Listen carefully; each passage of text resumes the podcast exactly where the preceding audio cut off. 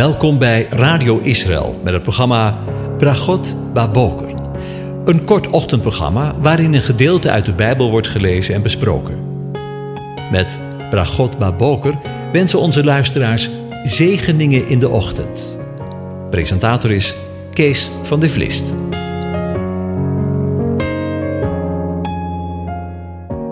Goedemorgen, Bokatov, beste luisteraars.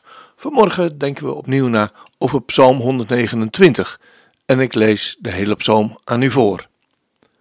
Een pelgrimslied. Ze hebben mij dikwijls benauwd, vanaf mijn jeugd. Zeg dat toch, Israël? Ze hebben mij dikwijls benauwd, vanaf mijn jeugd. Toch hebben ze mij niet overwonnen. Ploegers hebben mijn rug geploegd. Ze hebben hun voren lang gemaakt. De Heere, die rechtvaardig is, heeft de touwen van de goddelozen afgehakt. Laat beschaamd worden en terugwijken alle die Sion haten. Laat hen worden als gras op de daken, dat verdort, voordat men het uittrekt. Waarmee de maaier zijn hand niet vult, of de schovenbinder zijn arm. En de voorbijgangers zeggen niet, de zegen van de Heere zij met u. Wij zegenen u in de naam van de Heere. Tot zover. Over benauwdheid en verlossing gesproken. In het vervolg van de voorgaande aflevering denken we weer verder na over deze indrukwekkende pelgrims- of opgangspsalm. En de beeldspraak is weer sterk aanwezig. De lange voren die in een land dat wordt omgeploegd worden getrokken, zijn te vergelijken met de striemen van een geesteling op iemands rug. De rug is beeldspraak voor de achter hen liggende recente geschiedenis, het verleden die een geschiedenis van lijden is voor het volk van Israël. Dat de voren lang gemaakt zijn, verwijst naar de tijdsduur, de lange periode van lijden en met name de tijd van grote verdrukking. Dit is specifiek een beeld dat gebruikt wordt in Jesaja 28 voor de tuchtiging van de Heere, de aanwezige, door middel van Assyrië. Luisteren naar de woorden van de profeet. Neem ter oren en luister naar mijn stem. Sta er acht op en luister naar mijn woorden. Ploegt de ploeger heel de dag door te zaaien? Blijft hij in zijn land altijd maar openleggen en eggen? Is het niet zo? Heeft hij de bovenlaag ervan geëffend, dan strooit hij er wikken uit, zaait de komijn op en zet tarwe op rij, gerst per vak en spelt aan de rand. Zijn God onderwijst hem over de juiste manier. Want men dorst wikken toch niet met een dorslede en rolt over komijn toch geen wagenwiel, maar wikken wordt uitgeklopt met een stok en komijn met een staak. Broodkoren moet wel fijn gemaakt worden. Maar hij dorst en dorst het niet voor altijd door. Hij plet het niet met zijn wagenwiel. Met zijn paarden verpulvert hij het niet. Ook dit gaat uit van de Heere van de legermachten. Hij is wonderbaar van raad. Hij is groot in wijsheid. Ongetwijfeld gaan onze gedachten terug bij het lezen van de woorden ploegers hebben mijn rug geploegd. Ze hebben hun voren lang gemaakt. Naar de Heer zelf, hetgeen ook geprofiteerd is in Jesaja 50, vers 6. Ik geef mijn rug aan hen die mij slaan, mijn wangen aan hen die mij waard uitplukken. Mijn gezicht verberg ik niet voor smaad en speeksel. En in Jesaja 53, vers 5, daar lezen we, maar hij is om onze overtredingen verwond en om onze ongerechtigheden verbrijzeld. De straf die ons de vrede aanbrengt, was op hem, en zijn striemen is voor ons genezing gekomen. Profetisch gaat het hier in vers 3 om de gramschap van de aanwezige, de tuchtiging die hij gebruikt om Israël te louteren. Dat Gods volk kan terugkijken bewijst dat ze er nog zijn. Dat hebben ze niet van zichzelf, maar uitsluitend aan de Heere, de aanwezige, te danken. Maar nu komt hij tevoorschijn. Ze weten dat de aanwezige, die rechtvaardig is, de touwen van de goddeloze afhakt. Zoals we lezen in vers 4. Woorden van gelijke strekking vinden we bijvoorbeeld in Jeremia 30, vers 8. Want op die dag zal het geschieden, spreekt de aanwezige van de legermachten, dat ik zijn juk van uw nek zal breken en uw banden zal verscheuren. Vreemden zullen zich niet meer door hem laten dienen, maar zij zullen de aanwezigen, hun God, dienen en hun koning David, die ik hun zal doen opstaan. De trouwen waarmee de ossen de ploeg hebben voortgetrokken en de rug van Israël hebben doorkliefd, heeft de Heere, de aanwezige, met één slag van zijn zwaard afgehakt. Daardoor hebben de goddelozen geen verdere voren meer kunnen trekken. Hij heeft dat niet zozeer gedaan uit medelijden, maar omdat hij rechtvaardig is. Hij houdt zich aan zijn verbond met hen. Wat hij kan doen, omdat hij daarvoor een rechtvaardige grondslag heeft.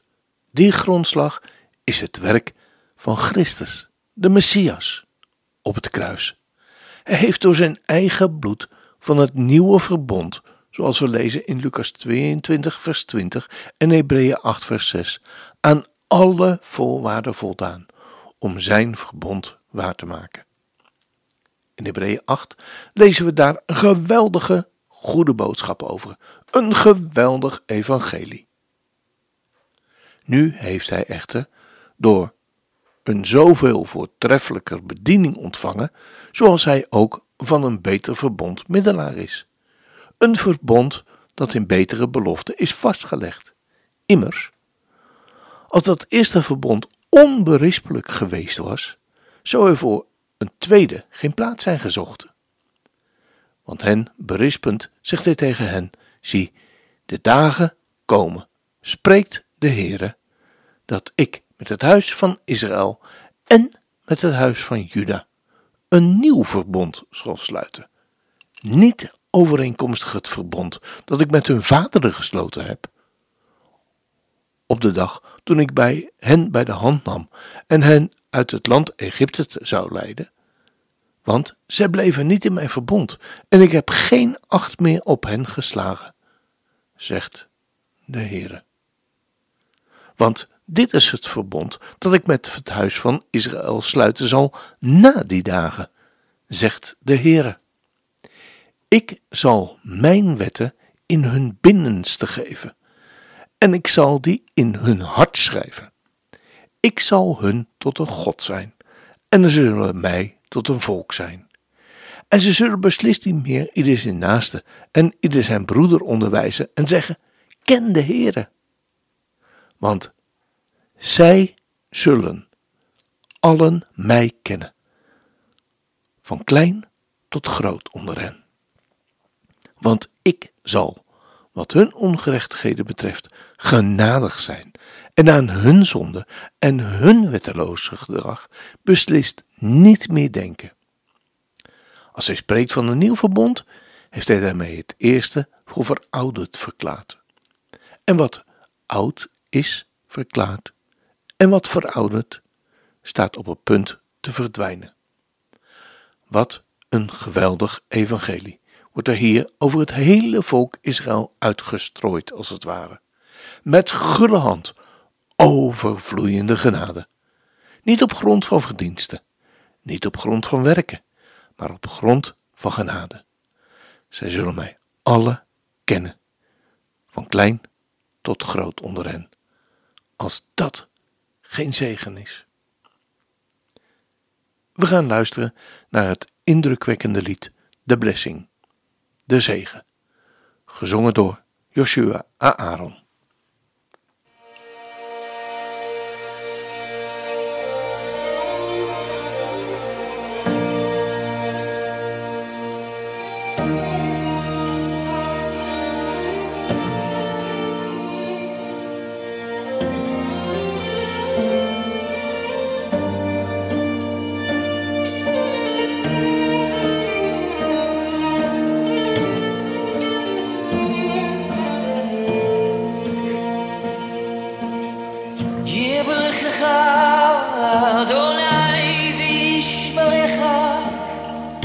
יאר אדוני פניו אליך, ויחונקה.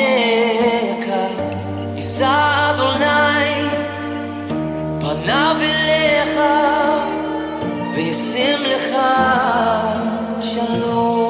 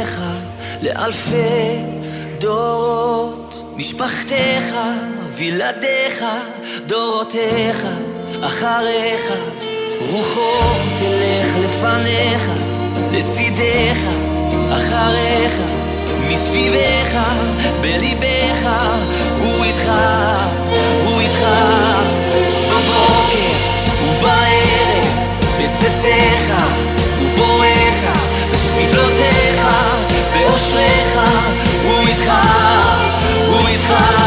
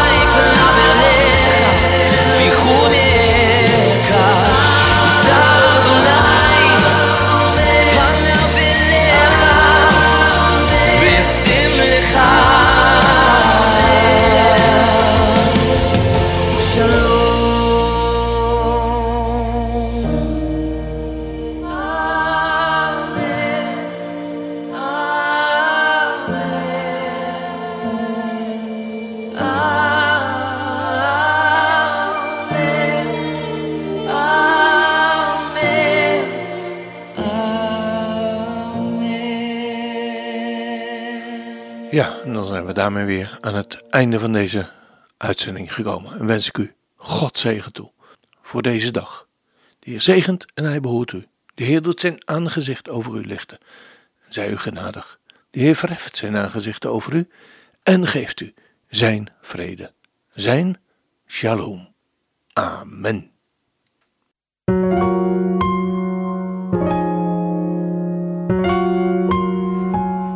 U hebt geluisterd naar het programma Bragot Baboker. Een kort ochtendprogramma waarin een gedeelte uit de Bijbel wordt gelezen en besproken. Wilt u het programma nog eens naluisteren, dan kan dat. Ga naar radioisrael.nl en klik onder het kopje radio op Uitzending gemist.